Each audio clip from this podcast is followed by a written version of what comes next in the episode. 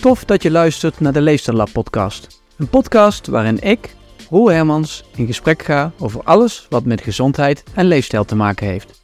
Dat doe ik met wetenschappers, artsen, psychologen, coaches en mensen die hun leefstijl drastisch hebben omgegooid. Vanuit mijn expertise als gedragswetenschapper, maar bovenal vanuit interesse en verwondering. Leuk dat je luistert naar aflevering 51 van de Leefstijllab podcast. Ik ga in gesprek met professor Reinoud Wiers. Reinoud is hoogleraar ontwikkelingspsychopathologie aan de Universiteit van Amsterdam. Hij doet al vele jaren onderzoek naar het meten en veranderen van automatische processen bij verslaving en hij is een echte expert in zijn vakgebied. Ook is hij de co-directeur van het Center for Urban Mental Health van de UvA. Ik ga met Reinoud in gesprek over zijn nieuwe boek Acrasia, over vrije wil, verslaving en verandering. We bespreken acrasia aan de hand van het rationele model over verslaving. Verslaving als chronische hersenziekte en verslaving als uiting van beperkte keuzevrijheid. Ben jij geïnteresseerd in hoe de wetenschap denkt over verslaving en hoe deze inzichten de behandeling van verslaving kunnen verbeteren? En hoe jij jouw eigen acrasia zou kunnen aanpakken? Luister dan vooral verder.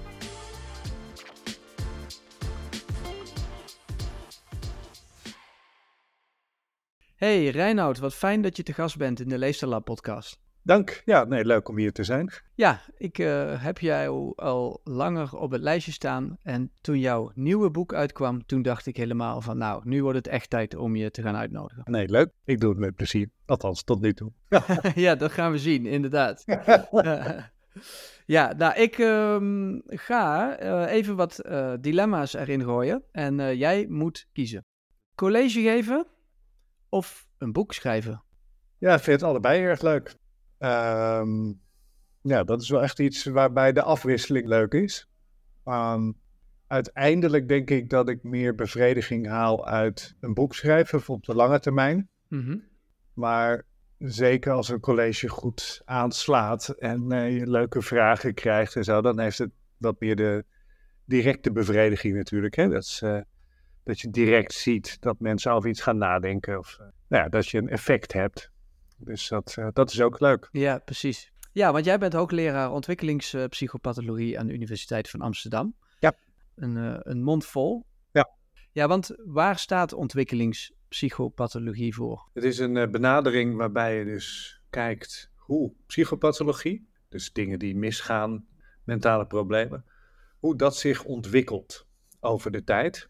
En hoe dat zit met individuele verschillen. Dus als je twee kinderen hebt die in hetzelfde gezin opgroeien. De een die ontwikkelt, uh, nou, laten we zeggen, een depressie en uh, gaat roken en raakt later ook aan de alcohol verslaafd. En de ander heeft dat allemaal niet. Mm -hmm. Hoe kan dat nou? Wat voor processen liggen eraan ten grondslag? Ik neem nu het voorbeeld met kinderen, maar in feite is er ook een levensloopperspectief. Mm -hmm. Je kunt ook kijken naar waarom sommige ouderen beter bestand zijn tegen eenzaamheid bijvoorbeeld dan anderen. Dus het heeft altijd de twee kanten van mm-hmm. veerkracht versus kwetsbaarheid en iets in het leven hoe dat zich ontwikkelt. En uiteraard is de bedoeling dat je uiteindelijk dit soort kennis ook gaat aanwenden om uh, het ofwel te voorkomen of om mensen te helpen om over problemen heen te komen. Maar anders dan klinische ontwikkelingspsychologie is het niet primair klinisch gericht, maar echt op processen van ontstaan. Ja, en um, als ik naar jouw carrière kijk, dan zie ik daar eigenlijk twee centrale thema's. Dat is verslaving ja. en tegenwoordig ook mentale gezondheid. Nou, mentale gezondheid in bredere zin. Dus dat is natuurlijk ook gekomen toen ik, uh, hè, dus in 2008 kwam ik terug in Amsterdam, waar ik ook gestudeerd had en gepromoveerd was. Toen kwam ik terug met die veel bredere leerstoel. Mm -hmm. Dus um, ja, maar sindsdien ook de grote drie, dus uh, angst, depressie, verslaving. En ik ben ook de co-directeur van een interdisciplinair centrum van de Universiteit van Amsterdam. Dat heet Urban Mental Health. Mm -hmm. Waarbij we dus inderdaad uh, kijken naar mentale gezondheid van mensen in een stad door allerlei factoren op verschillende niveaus beïnvloed uh, worden. En hoe je dat dus, die kennis daarover ook weer kan aanwenden om het te verbeteren. En dat kan zijn, uh, want we werken aan de ene kant met neurobiologen en uh, wiskundigen ook, omdat je dus ook probeert dingen in modellen te krijgen. Maar ook met sociologen en nou ja, mensen die wat meer het juiste bredere blik hebben. En we hebben ook een model wat die verschillende niveaus, zeg maar, hoe die op elkaar inspelen, in kaart brengt. Ja, en dat thema verslaving, daar ga ik vandaag graag met jou over verder. Maar ik gooi eerst even het tweede dilemma nog even erin om jou wat beter te leren kennen. Vroeg opstaan of laat naar bed? Um, ja, dat ligt er ook weer een beetje natuurlijk aan. Maar zeker als het gaat om een boek schrijven, om even aan te sluiten op het eerste dilemma, heb ik wel mezelf aangeleerd om uh, vroeg op te staan. Ja. En juist die eerste uren van de dag dan te gebruiken om te schrijven in de plaats van uit te slapen. Mm -hmm. En ben je in, in zo'n periode ben je dan lid van de 5 AM club of nog vroeger? Nee, nee, nee. nee zelfs dat niet hoor. Oh, oké. Nee, meer 6, 7. Ik heb natuurlijk gewoon een uh, volle baan als hoogleraar. Dus het is vooral twee zomervakanties, een beetje kerstvakantie, een keertje, een weekenddag of zo. Ja. Maar dan als iedereen uitslaapt en jij om uh, zes uur half zeven begint, nou dan heb ik elke dag uh, drie, vier uur zeg maar. En dan ben ik heel productief. Dus ja. het is niet dat ik van nature enorm geneigd ben om uh, vroeg op te staan. Komt volgens mij ook door dat studentenbestaan wat overgaat in een promotiebestaan. En dan is de noodzaak om vroeg op te staan in het begin gewoon de eerste jaren van je volwassen leven niet mega hoog. Althans, dat was het bij mij niet. En dat zie ik ook wel bij veel collega's. Dat zijn niet per se ochtendmensen. En bij mij gaat het nog wel verder terug. Want toen ik studeerde heb ik ook een jaar gereisd. Ik heb toen ook uh, fictie schrijven veel gedaan. Ik dan een workshop bij Oek de Jong gedaan. Dus ik heb ook een verhalenbundel geschreven. En dan heb je natuurlijk een heel erg ongeregeld leven. En soms moet je vroeg opstaan en uh, soms slaap je uit. Maar toen heb ik eigenlijk echt wel min of meer tot mijn verrassing ontdekt. Dat elke keer als ik gewoon als eerste ochtends ging schrijven, dat dat allemaal veel beter was dan wat ik uh, later op een dag produceerde. En dat ja, dat is eigenlijk wel zo gebleven. Dat uh, ook als je dan meer non-fictie schrijft, dan uh, ja, is eigenlijk wel hetzelfde verhaal. Dus het is voor mij ook. Je hebt sommige mensen die van, oh, ik moet dat en dat nog doen, dan ga ik de hele nacht doorwerken. Nou, ja. dat, ik moet eigenlijk s'avonds ga ik zeker niet dingen schrijven, want het is gewoon totaal inefficiënt. Dan ben ik uren bezig en de volgende ochtend doe ik een half uurtje doe ik het beter. Jammer van de tijd. Terwijl lezen, hè, dus je moet natuurlijk uh, veel lezen ook, hè, de artikelen, proefschriften, et cetera. Ja. Dat gaat prima s'avonds. Dus nou ja, zo vind je een beetje gaandeweg uit wat voor jou werkt. En dat is de ochtend wel echt voor het schrijven, ja. Ja, nou net zei je, uh, ik heb Philip Glass op de achtergrond. Is dat ook jouw schrijfmuziek? Of schrijf je zonder muziek? Nee, wel graag met muziek. Kan zoiets uh, van minimal music-achtig zijn, maar ook wel uh, oude muziek hou ik ook erg van. Barok opera's en zo met zo'n fijn ritme. Ja, niet helemaal stil dus? Nee, tenzij ik ergens weet ik veel, op een balkon met de zee beneden me of zo. Dan hoeft niet zo nodig muziek erbij, maar dan hoor je weer de zee. Oké, okay, het laatste uh, dilemma. En dan gaan we, we, het over jouw boek hebben. Ja. Uh, onbeperkt budget om onderzoek te doen. Of onbeperkt budget om te werken aan de vertaling van de vele onderzoeken uh, naar een groot publiek. Ja, ook weer zo een waarbij ik wel bij allebei het belang zie. Uh, maar ik denk dat ik hem dan toch nu nog wel in het onderzoek gooi. Mm -hmm. En dan, uh, ja, dan uh, in de vroege ochtend werk ik aan de vertaling. ja, ja, ja, precies. Maar je kiest dus inderdaad om nog zelf onderzoek te doen. Mm. En dan, nou ja, ik stop natuurlijk ook tijd in van die grote Europese subsidies proberen te krijgen en zo. Dus, maar dat is natuurlijk toch dat je gewoon mensen, hey, je kunt leuk dingen bedenken. S ochtends vroeg aan de schrijftafel, maar op een gegeven moment moet je ze ook empirisch testen natuurlijk. Ja. Dus ja, dan uh, heb je ook mensen nodig en geld. Ja, precies. We gaan het hebben over uh, een zeer interessant fenomeen waar ik de benaming nog niet van kende. Als het gaat om onze gezondheid of onze leefstijl, dan nemen we ons vaak van alles voor. We spreken met onszelf af om even geen alcohol meer te drinken of uh, niet meer te roken. Maar, en ik denk dat iedereen dat wel herkent, niet heel veel later bevinden we ons dan toch op de bank met een biertje of uh, nemen we toch een sigaret aan en steken we die op. En doen we dus eigenlijk iets wat we niet willen. Oftewel, we handelen tegen beter weten in. Maar dit is niet iets nieuws, hè? Uh, nee, waar het dan precies om gaat, hè, de sigaretten is natuurlijk uh, relatief nieuw. Maar het idee dat je dus iets niet wil doen en uiteindelijk toch jezelf aantreft dat je het wel doet, dat is nou in ieder geval zo oud als Plato. Want die heeft dit concept akrasia, zoals het uh, in het Grieks genoemd wordt, geïntroduceerd. Dus het gaat uh, 2500 jaar terug ongeveer. Nou ja, en dus dat is het idee dat je soms dus dingen lijkt te doen die je eigenlijk niet wil doen. Of dingen niet doet terwijl je die wel wil doen. Nou ja, goed. Dus dat wil en uh, handelen niet overeenkomen. Ja. ja, en jij raakte daarin geïnteresseerd in dat, in dat concept of in dat fenomeen en schreef daar uh, dus een boek over. Maar wat was uh, de aanleiding om je verder te gaan verdiepen in acrasia? Um, nou ja, het raakt natuurlijk aan verslaving. En wat je, zoals je net al verteld hebt, dat is het van alle vormen van psychopathologie degene waar ik het meeste onderzoek naar gedaan heb. Dus, nou ja, ik heb zo'n, uh, even kijken, ja, nu 30 jaar zit ik in het verslavingsonderzoek. Ik ben in 93 begonnen bij mijn promotieonderzoek. En dan ben je natuurlijk heel erg geneigd om te kijken naar uh, de nieuwe kid in town en uh, de nieuwste concepten, et cetera. Maar op een gegeven moment, ja, veel dingen die bekend voorkomen. Mm -hmm. Dus dan is het ook leuk om juist wat breder te gaan kijken en uh, wat meer historisch ook. En ik kwam toen dit concept eigenlijk tegen. Het is dus een concept in de filosofie. Mm -hmm. Nou ja, geïntroduceerd door Plato. En filosofie heb ik ook altijd erg interessant gevonden. Dus toen ben ik me ook een beetje in die filosofiekant van het acrasia gaan verdiepen. En nou ja, een ander onderwerp wat me dus eigenlijk de hele tijd al bezig hield.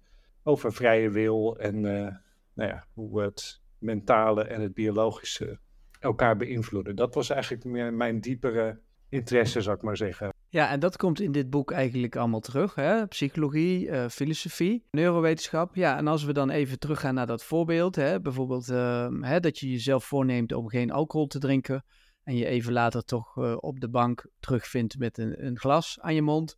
Dan is die keuze om alcohol te drinken, is dat dan echt een keuze? Of is er dan eigenlijk sprake van ja, doordat je uh, vaak alcohol drinkt, eigenlijk een soort van aangetast vermogen om nou ja, in je keuze om dan niet te drinken.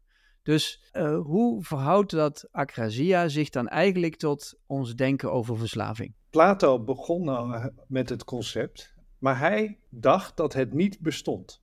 Dus in zijn opinie, als iemand uiteindelijk, ondanks eerdere voornemens, dan toch gaat drinken of roken of what have you, dan is op dat moment voor die persoon de afweging van de verwachte voordelen van het drinken uh, zijn sterker dan de verwachte nadelen. Ja. En daar zit natuurlijk wel iets in. En dan kom je dus eigenlijk op een soort rationeel beslismodel, wat hij aanneemt. Ja. Vandaar dat hij ook met zijn rationele redeneringen, die hij natuurlijk van Socrates geleerd had, en hij beschrijft de redenering van Socrates, die gaat dan ook aantonen dat het dus eigenlijk niet kan. Um, in deze dialoog spreekt Socrates met Protagoras en die gelooft wel dat acrasia kan. En bijvoorbeeld zijn eigen leerling Aristoteles dacht dat ook. En heel veel psychologen en neurowetenschappers geloven ook dat wij dingen kunnen doen die we echt ten diepste niet willen. Dus daar begint al enige spreiding in, zeg maar, uh, hoe mensen hierover denken. Maar het is dus belangrijk ten eerste om, als je zo'n situatie beschrijft, dat het gaat om een afweging van alle argumenten, maar wel echt op dat moment.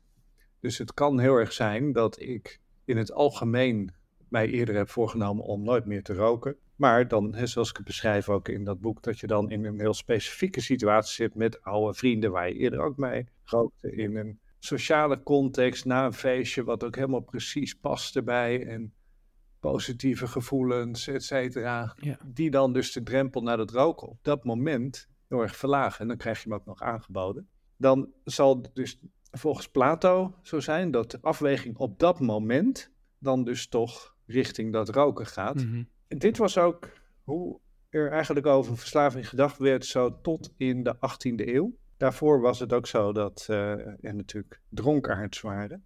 En ook chronische dronkaards. Ja. En dat werd dan beschreven als van, nou ja, die mensen houden kennelijk heel erg van wijn. En dan neem je dus de negatieve consequenties voor lief, want je houdt er zoveel van.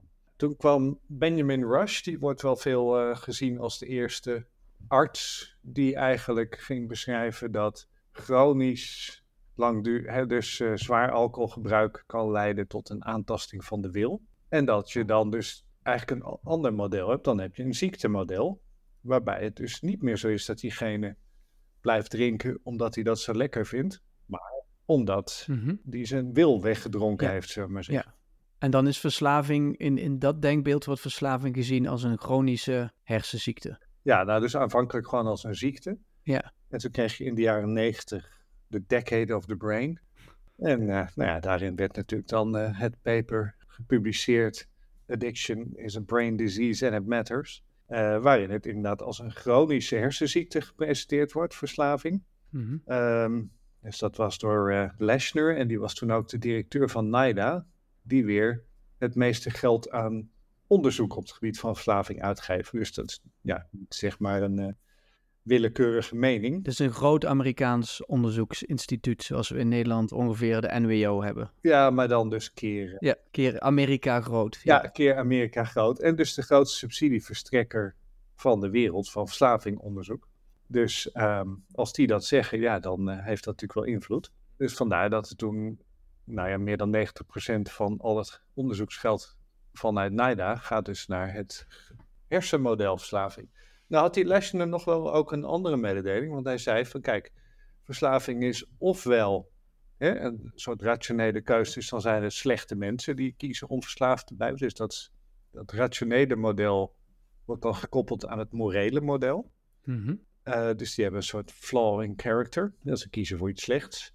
Ofwel, het is een chronische ziekte, waarmee mensen dus ook minder de schuld krijgen. Hè? Dus het moet allerlei positieve bijeffecten hebben.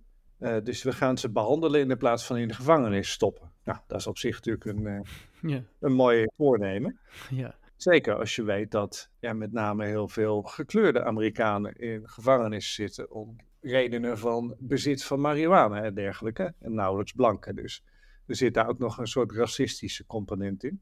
Het is zelfs ook wel met slavernij nog in verband gebracht. Dat is nu de opbrengst van de zwarte gevangenen. Uh, die dan dus uh, moeten zakjes plakken of wat dan ook maar in de gevangenis voor de meest onbenullige drugdelicten in zitten. Die is vergelijkbaar met de uh, opbrengst van de slaven in de slavernijtijd, omdat het dus veel meer zijn. Dus een van de opponenten van dat brain disease model is Carl Hart. Opgegroeid in ja, de sloppenwijken van Miami. De meeste van zijn oude vrienden die zijn of verslaafd of dealer of allebei. Maar hij kon goed leren, beschermende factor, ontwikkelingspsychopathologie. Mm -hmm. Wist dus uit dat milieu te komen en ging verslaving bestuderen. Ook met het idee om dan dus die hersenziekte te helpen genezen. Alleen die kwam dus helemaal terug van het idee dat het een hersenziekte is.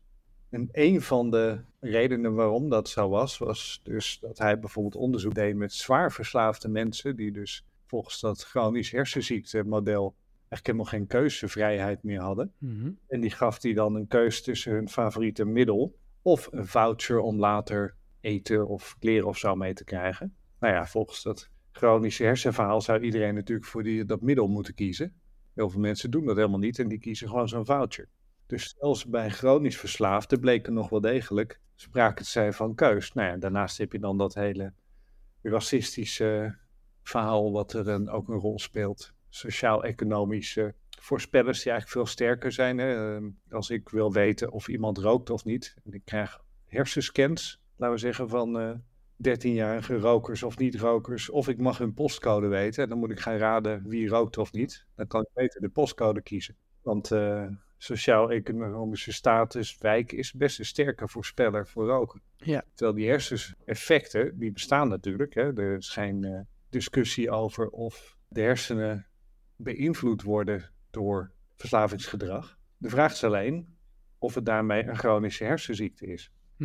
Er is natuurlijk eindeloos veel onderzoek wat laat zien dat dan op een bepaald taakje of bepaalde structurele dingen hersenen van verslaafden een beetje afwijken van niet-verslaafden. Ja, datzelfde geldt als je taxichauffeurs Mhm. en buschauffeurs gaat vergelijken. Ja, ja. Want taxichauffeurs die moeten veel actiever hun mental maps. Dus als jij dingen leert, dan eh, heeft dat natuurlijk een invloed op je hersenen. Want dat zijn de materie waarin wat je leert. Dus een verschil tussen twee groepen zegt natuurlijk helemaal niks over dat er iets met een ziekte eh, aan de hand is. Mhm, mhm. Dan kun je zeggen dat natuurlijk de verslaafde maladaptief gedrag eh, vertoont. Maar goed, dan is toch weer de vraag in hoeverre dat ook vanuit het eerste persoon perspectief het geval is. Ja, als je, dat is natuurlijk wat bij verslaving een grote rol speelt, dat je vaak op korte termijn even je ellende vermindert. Dus als dat zwaar gaat wegen, dan kun je in zekere zin zeggen dat het een rationele keus nog steeds kan zijn. En dat het dus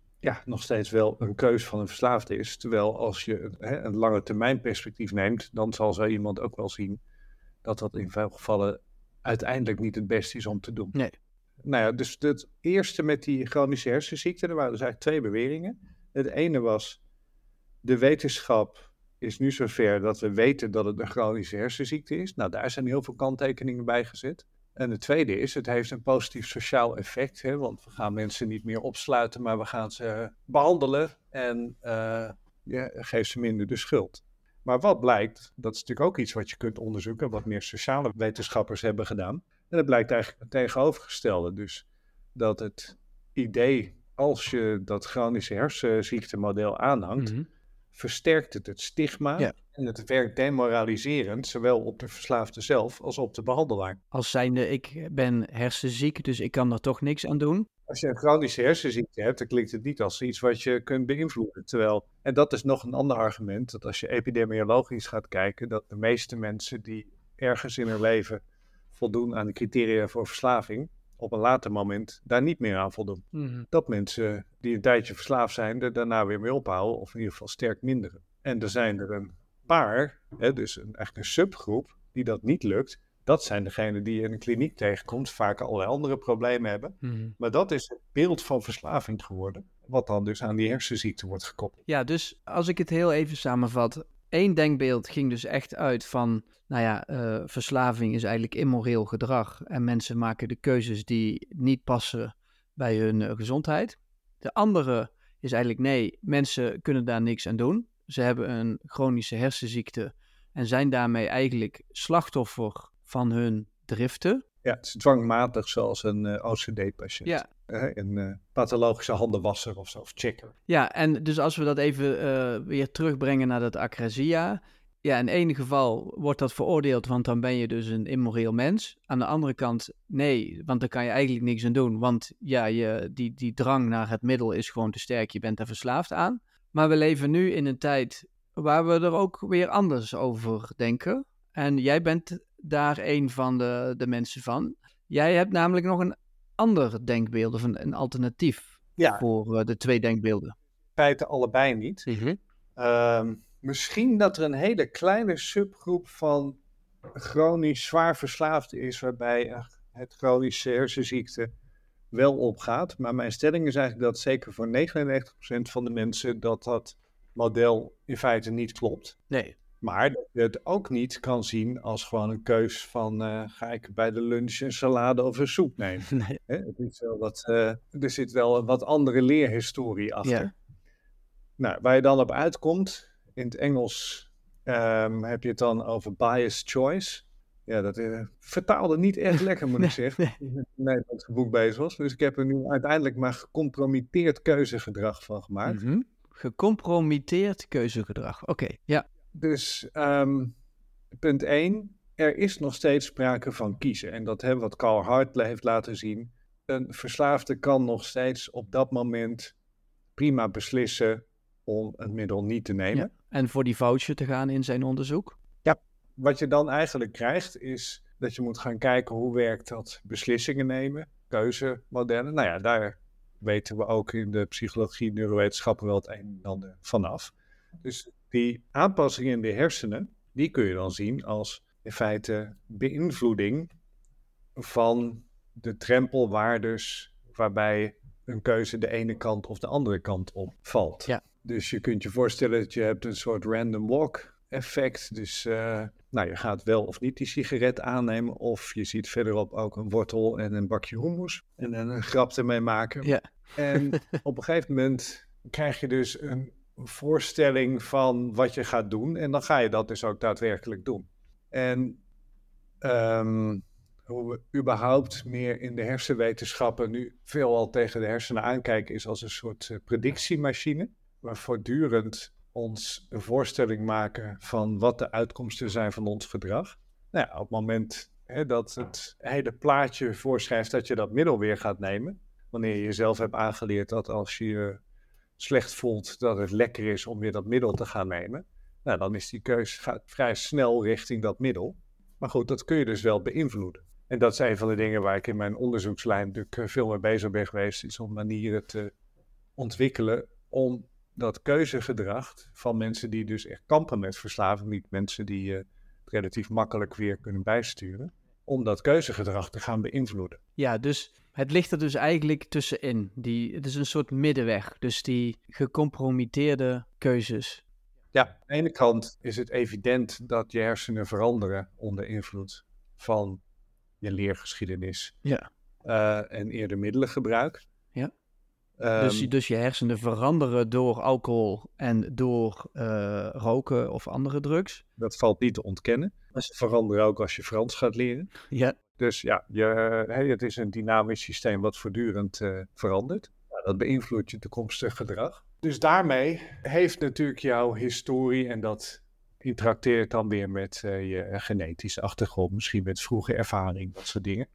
Dus daarmee wordt die keus beïnvloed in de toekomst, maar is er nog wel in de meeste gevallen sprake van een keus. Mhm. Dus ja, kun je beargumenteren in de meeste gevallen eigenlijk niet terecht om van een chronische hersenziekte te spreken. Vooral omdat de meeste mensen het gewoon bij kunnen sturen. Niet dat het makkelijk is, maar kan Ja, wel degelijk. ja. En dan kun je natuurlijk kijken hoe eh, kan je mensen helpen om dat te gaan doen. Ja, want ik zit er even dan mee te denken. En dan als ik vanuit dat, dat stigma eh, denk, vanuit het punt, het is een chronische hersenziekte, ik kan er niks aan doen, ik ben nou eenmaal verslaafd. Dat zou het, het gedachtegoed kunnen zijn eh, van degene waar het over gaat. Maar ook van de behandelaar, die denkt, ja, die persoon is verslaafd, die kan er niks aan doen als je dat gedachtegoed aanhangt. Ja. Maar is het gevolg van gecompromitteerde keuzes dan niet aan de ene kant ook dat mensen denken van nou, je hebt gewoon een gebrekkige wilskracht. Eh, je hebt gewoon te weinig discipline. Je moet gewoon wat meer doorzetten. Hoe, hoe zie jij dat?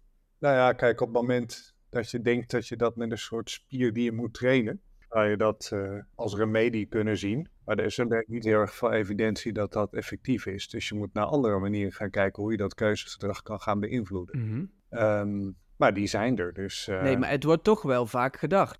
Nou, en kijk, wat ik toch nog wel even wil zeggen is dat er wel een groep is waarvoor dat chronisch hersenziektemodel wel een positief effect kan hebben. En dat is namelijk mensen die echt alles proberen en het lukt ze maar niet om er vanaf te komen. Hè, dus eh, dan heb je bijvoorbeeld over mensen die al 25 jaar heroïne verslaafd zijn. Nou ja, daar heb je dan dus die heroïne verstrekkingstrial. Nou ja, en dan blijkt dat je gewoon een boel van de stress uit het leven van mensen weghaalt. Omdat je natuurlijk een duur illegaal middel moet krijgen als je daaraan verslaafd bent. En het vervangende middel methadon toch niet helemaal bevredigend werkt, dus ze willen het toch vaak bijgebruiken. Nou, op het moment dat je dat krijgt, kun je de rest van je leven weer gaan opbouwen. Dus in die zin is er een heel klein groepje, en dat zijn een beetje de soort stereotype mensen waar aan gedacht wordt bij verslaving. Maar ik denk dat het het echt over 1% hebben of zo. Hè? Ja, ja. Eh, waarvoor dit toch wel een positief model kan zijn. Ehm, en kijk, als jij heel sterk dat model hebt van ik moet nu veranderen. ehm, en anders ben ik een slappeling of wat dan ook, heeft mijn leven geen zin. Ja, dan uh, de definitie heeft dan natuurlijk dat leven geen zin. Terwijl in zo'n geval, als je echt van alles geprobeerd hebt, en dan kan zo'n chronisch hersenziektemodel juist wat zorgen voor acceptatie. Maar dan hebben we dus echt over het allerkleinste stukje, zeg maar, in de laatste procent van alle mensen die voldoen aan een diagnose verslaving. ja precies. Overgrote meerderheid. Uh, wil je niet meteen zeggen dat het makkelijk is, maar die kunnen wel degelijk hun gedrag wel gaan beïnvloeden. Ja. En uh, niet zozeer via wilskracht, maar via technieken om die keuzes te beïnvloeden, dat soort dingen. Ja, excuses. Ik kom maar even tussendoor met een kleine dienstmededeling. Dit is de laatste aflevering van seizoen 7. Wil je nu zeker weten dat ik doorga met een achtste seizoen, dan zou je me enorm helpen door een eenmalige of maandelijkse bijdrage te doen aan deze podcast. Dat kun je doen door vriend van de show te worden. Wil je vriend van de show worden? Kijk dan even snel in de show notes hoe je dit in orde kunt maken. Een andere manier waarop je mij als ondernemer kunt helpen is door mij te boeken als spreker voor een lezing of workshop. Of door mee te doen aan onze driedaagse nascholing voor leefstijlcoaches, diëtisten, gewichtsconsulenten en trainers op het gebied van gedrag begrijpen en gedrag veranderen. Kijk voor meer informatie op www.gezondheidsgedrag.nl. Mij boeken als spreker? Neem dan snel even contact op via info.leefstijllab.nl. En door.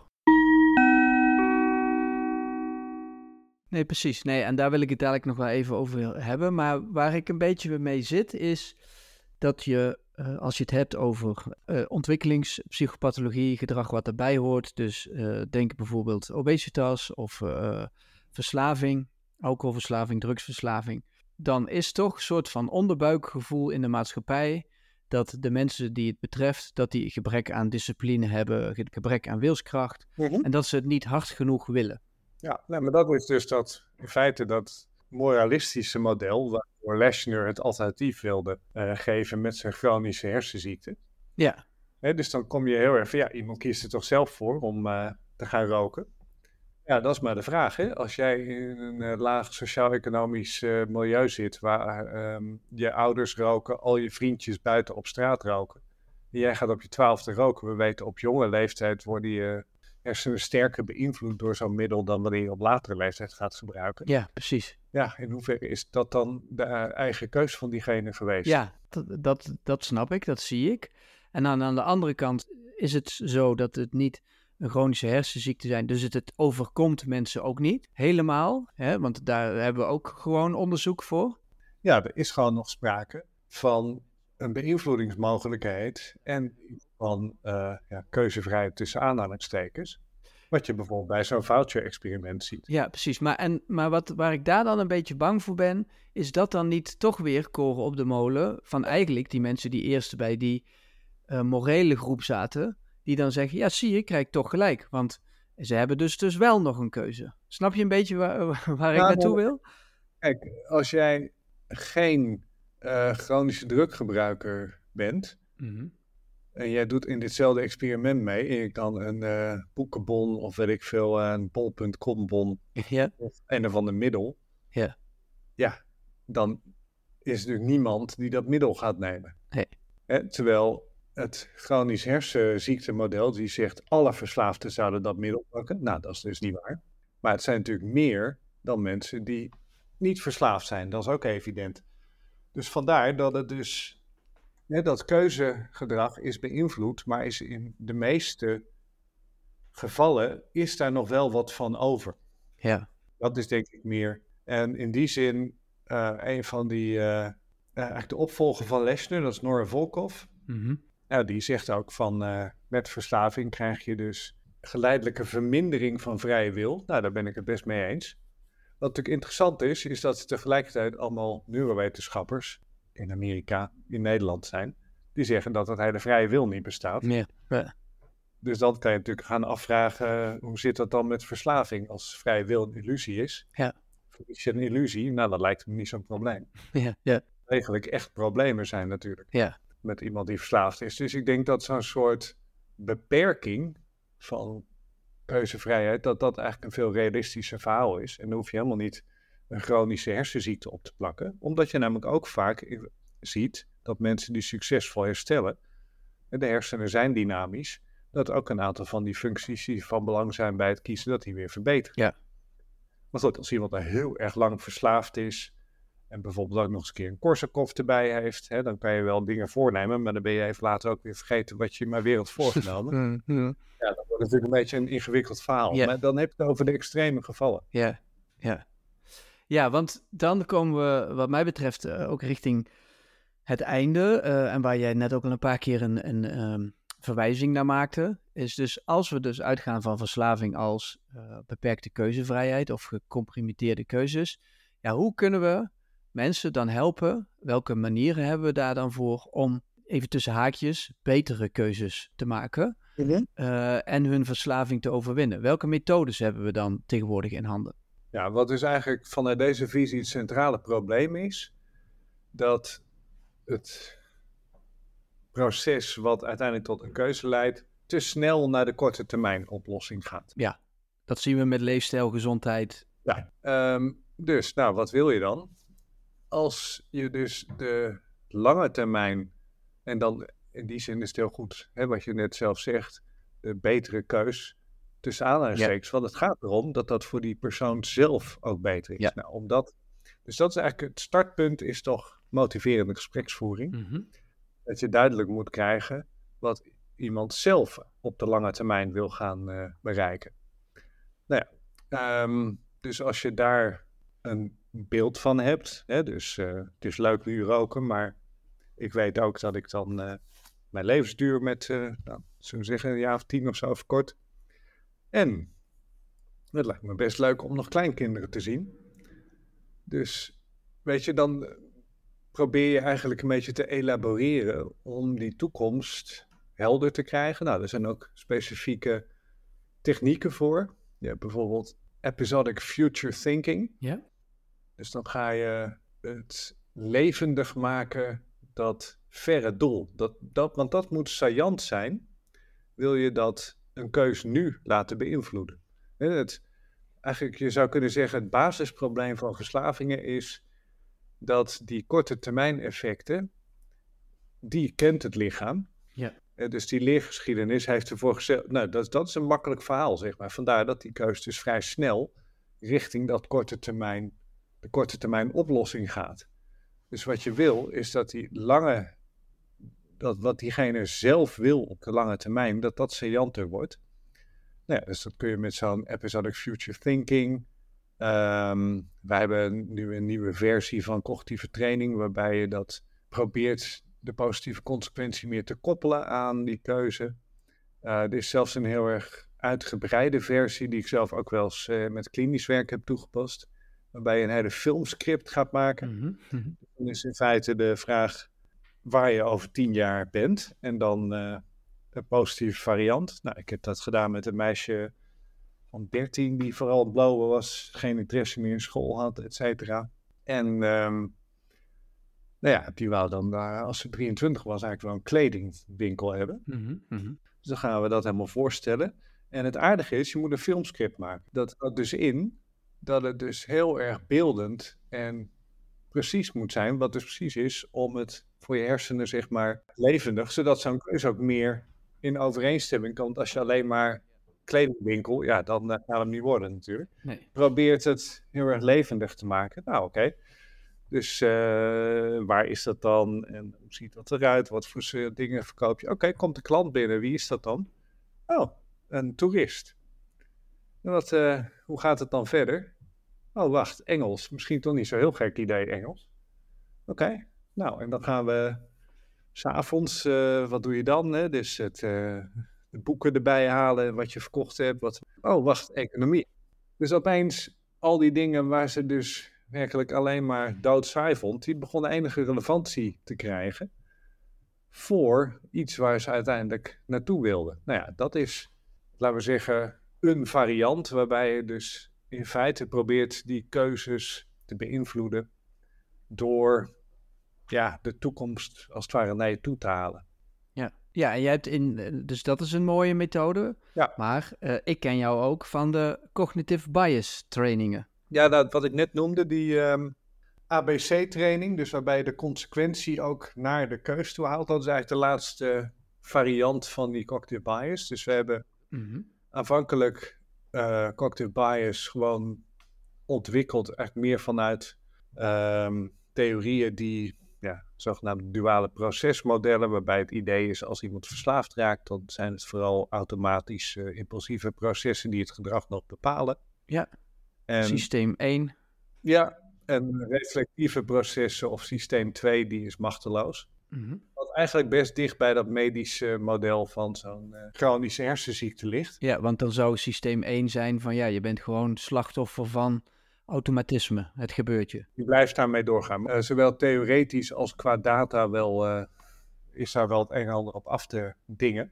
Dus we zijn nu eigenlijk veel meer van een soort geïntegreerd systeem met natuurlijk allemaal componenten. Maar uiteindelijk integreert het toch tot één voorstelling van wat het gevolg is van mijn keuze. En ehm, omdat dat belangrijk is, en dat sluit aan bij die ideeën over predictive brain en dergelijke, is zo'n consequentie heel belangrijk. Dus in die aanvankelijke versies van training was het gewoon dat mensen die een alcoholprobleem hebben, die krijgen heel veel trials waarin ze dan eigenlijk leren om steeds, als je een alcoholplaatje ziet, die weg te duwen.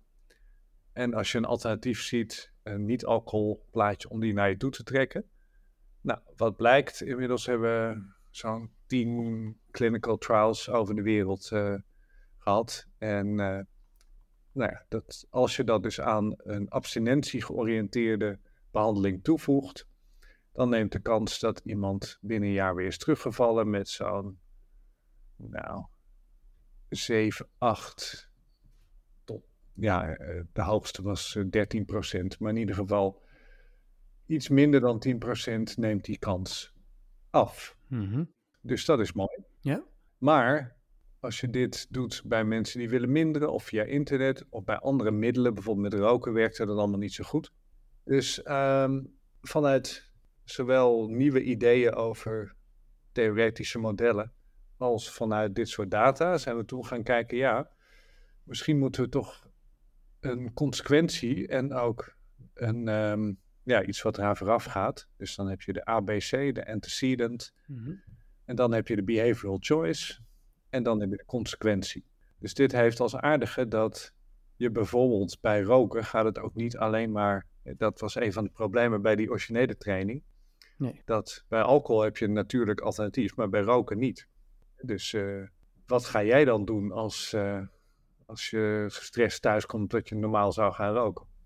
Dus daar moet je eigenlijk over gaan nadenken, maar dan altijd in relatie tot wat je wil bereiken. Dus in die zin is het ook weer gerelateerd aan motiverende gespreksvoering. Nou, en dan waarom wil je dan gaan stoppen met roken? Nou, misschien wil je geld uitsparen, gezondheid beter, et cetera. Dus dan ga je ook trainen, maar nu met naar een alternatief wat voor jou een goede manier, een goed alternatief is. Uh, buiten gaan wandelen of uh, weet ik veel. Nieren, een glaasje water drinken, mm -hmm. met je moeder bellen. En dan voor verschillende situaties. Dus dat zijn dan zeg maar de A's. Maar dan krijg je dus, als je traint, elke keer als je dus het gezonde alternatief, zie je dat effect op die consequentie. Dus dat probeer je ook uh, als het ware meer bij de keus te betrekken. Dichter op die keus te, te krijgen. Ja. Dus dat, uh, dat ja, is op zich een logische consequentie van uh, de, het veranderen de denken. En we hebben nu eerste studies die ook laten zien dat het wat beter werkt dan die uh, originele versie. Dus dat ja. is mooi. Ja, en in jouw boek las ik ook, en dat past ook wel in de huidige tijd, um, over mindfulness en meditatie als ja. potentieel middel. Zeker. Want hoe, hoe zou je dat dan toepassen binnen dit domein? Nou ja, dat is dus ook een methode waarmee je dus je keuzegedrag kan beïnvloeden. In de zin dat je niet meteen voor de snelle oplossing gaat. Ja. Kunt leren kiezen in overeenstemming met wat je eigenlijk op lange termijn wil, je waarden, et cetera. Ja. En toevallig met uh, jouw uh, oud-collega uit Nijmegen, Junilla Larsen, mm -hmm. ook, en andere onderzoekers hebben hier net een stuk waarin we het zowel cognitive bias modification als uh, mindfulness bespreken in Neuroscience Biobehavioral Reviews. Leuk. Ja, dus ik denk ook dat die twee elkaar zouden kunnen versterken, maar goed, dat zal dan nog... Ja, precies. Ja, en dan hoor ik ook nog mensen denken, en dan uh, zeg ik het zelf hardop. En is er dan misschien ook een pilletje wat dit allemaal kan doen? Is er ook medicatie? Nou ja, het grappige is, er is dus ook medicatie, maar dat heeft ook een klein effect. Mm -hmm. Of even groot of even klein als die training die je dus uh, kunt toevoegen aan een abstinentie-georiënteerde behandeling. Mm -hmm. En die haalt dus, dus zijn de varianten craving, de zucht voor een middel wat uh, minder sterk maken. Ja. Dus, um, maar goed, ik denk zelf eigenlijk dat zoiets prima voor sommige mensen hè, ook een hulpmiddel kan zijn, maar dat toch het belangrijkste is dat je dat beeld helder hebt waar jij naartoe wil. Ja. En uh, ja, dus ons predictive brain moet eigenlijk een beetje ja, de goede kant op geconditioneerd worden. En dan dat goede is niet zozeer wat ik als buitenstaander wil, nee, precies. diegene zelf. Uh... Ja. ja, je moet dus uh, leren kijken naar de toekomst en wat, wat je daar jezelf ziet doen. En daar naar kunnen verwijzen of over kunnen denken op het moment dat je eigenlijk die drang voelt om het toch te gaan doen. Dat je dat eigenlijk even kunt parkeren en dan kunt zeggen: nee, dat past nu niet ja. bij hoe ik er uh, over een paar jaar uh, bij wil zitten. Waar ik naartoe wil. En dat is natuurlijk erg moeilijk. Ja, dat is heel moeilijk, ja. Ja. Dus uh, vandaar dat, we, hè, dat dit soort problemen bestaan. Uh, en, uh, maar dus ook dat je mensen er wel mee kan proberen te helpen om dat te versterken. En nou ja, soms helpt dat. Ja, en, en dus ook al bestaat sinds de tijd van Socrates en Plato. en dat zij het daar dus ook al over hadden. Ja, dat is natuurlijk grappig. Ja, en dan hadden ze nog ja. geen sigaretten of nee. ecstasy of you name it. Nee, precies. Hey, tot, tot slot. Um, waar ik nog even benieuwd naar ben, want um, niet iedereen gelukkig uh, kampt met een verslaving, maar kan wel uh, A zeggen en B doen. Ja. Hè? Dus dat kan over snacken gaan, of dat kan over uh, de telefoon gaan, of noem het allemaal maar op. Bewegen gaan. Ja, wat zouden de luisteraars kunnen doen op basis van jouw boek en datgene wat we besproken hebben, om hun eigen acrasia-problemen, om daaraan te werken? Ja, het gaat toch natuurlijk om waar je op lange termijn naartoe wil, waar je een beetje gelukkig van wordt. Ja. Nou, de telefoon is natuurlijk een aardig voorbeeld, omdat dat ook een heel uh, korte termijn natuurlijk leuk is om even wat... Uh... Even wat likes te krijgen of even een spelletje te doen of... Ja. Um, maar ja, op lange termijn kan bijvoorbeeld een keer een goed boek lezen uh, veel meer bevrediging geven. En dat weet je dan ook zelf. Mm -hmm. dus dat wil je eigenlijk. Ja, dus dan er zijn natuurlijk dingen die je kan gaan doen door bijvoorbeeld in de kamer waar je leest die telefoon niet te hebben. En er was een, uh, een Zwitserse journalist, die had hier een half jaar geleden of zo een uh, boek over geschreven, die dan dus uiteindelijk zelfs een kistje met een tijdslot voorstelt. Oh ja, ja, ja dat, die zag ik deze week ook nog voorbij komen, ja. Ja, daar kan je je telefoon uh, in opbergen en dan gaat hij op slot en dan ja. ja komt die pas na een paar uur eruit. Volgens mij was het bij Sander Schimmelpenning en de socials. Ja, het, zijn allemaal varianten op hetzelfde. Wat je dus eigenlijk wil is toch meer handelen in overeenstemming met je, je waarde, lange termijn doelen. Ja. Maar het is zo moeilijk met al die korte termijn verleidingen. Dus ja, daar moet je dan uh, iets op bedenken. Ja. ja, dus het is eigenlijk het vergroten van je zelfregulatie dus ook. Ja, en wat daarbij natuurlijk ook altijd handig is, dat is ook meer als ik uh, therapeutisch uh, bezig ben, dat je natuurlijk probeert dan ook die alternatieven zo makkelijk mogelijk te maken. Ja. Dus als ik vooral ga drinken als ik gestrest thuis kom, en ik denk, oh, zwemmen kan goed helpen. Nou, dan moet je natuurlijk niet op dat moment nog moeten gaan uitzoeken waar je dan heen moet, hoe je dan een zwembrilletje, want dan nou, is het evident dat dat nooit gaat worden. Nee.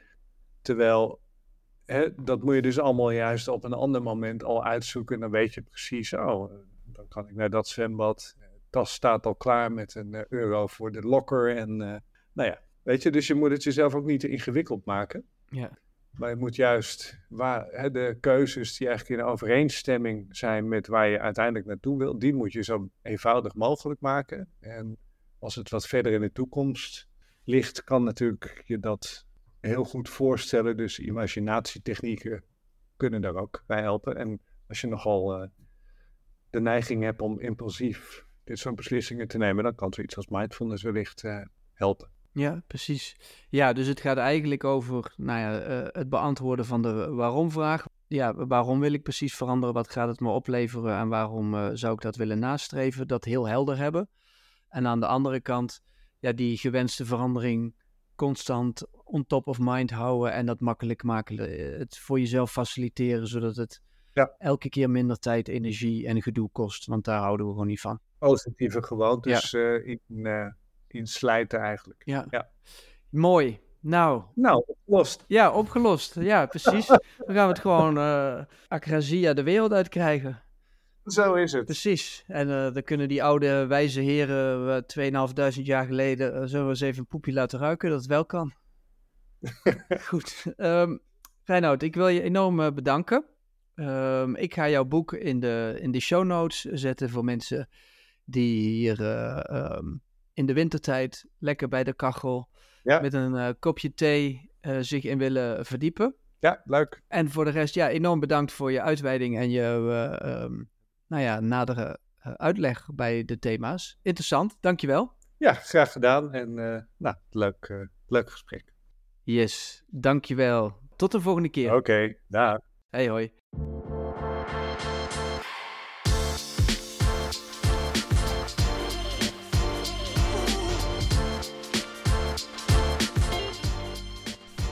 Het zit er weer op. Je luisterde naar aflevering 51 van de Leefstijllab podcast, waarin ik in gesprek ging met professor Reinoud Wiers. Wil je reageren op deze aflevering? Laat dan vooral een bericht voor ons achter. Dit was de laatste aflevering van seizoen 7. Wil je zeker weten dat ik doorga met een achtste seizoen? Dan vergroot je die kans enorm door een kleine donatie te doen en vriend van de show te worden. Ga snel naar de show notes om te kijken hoe je vriend kunt worden. Tot de volgende, tot snel.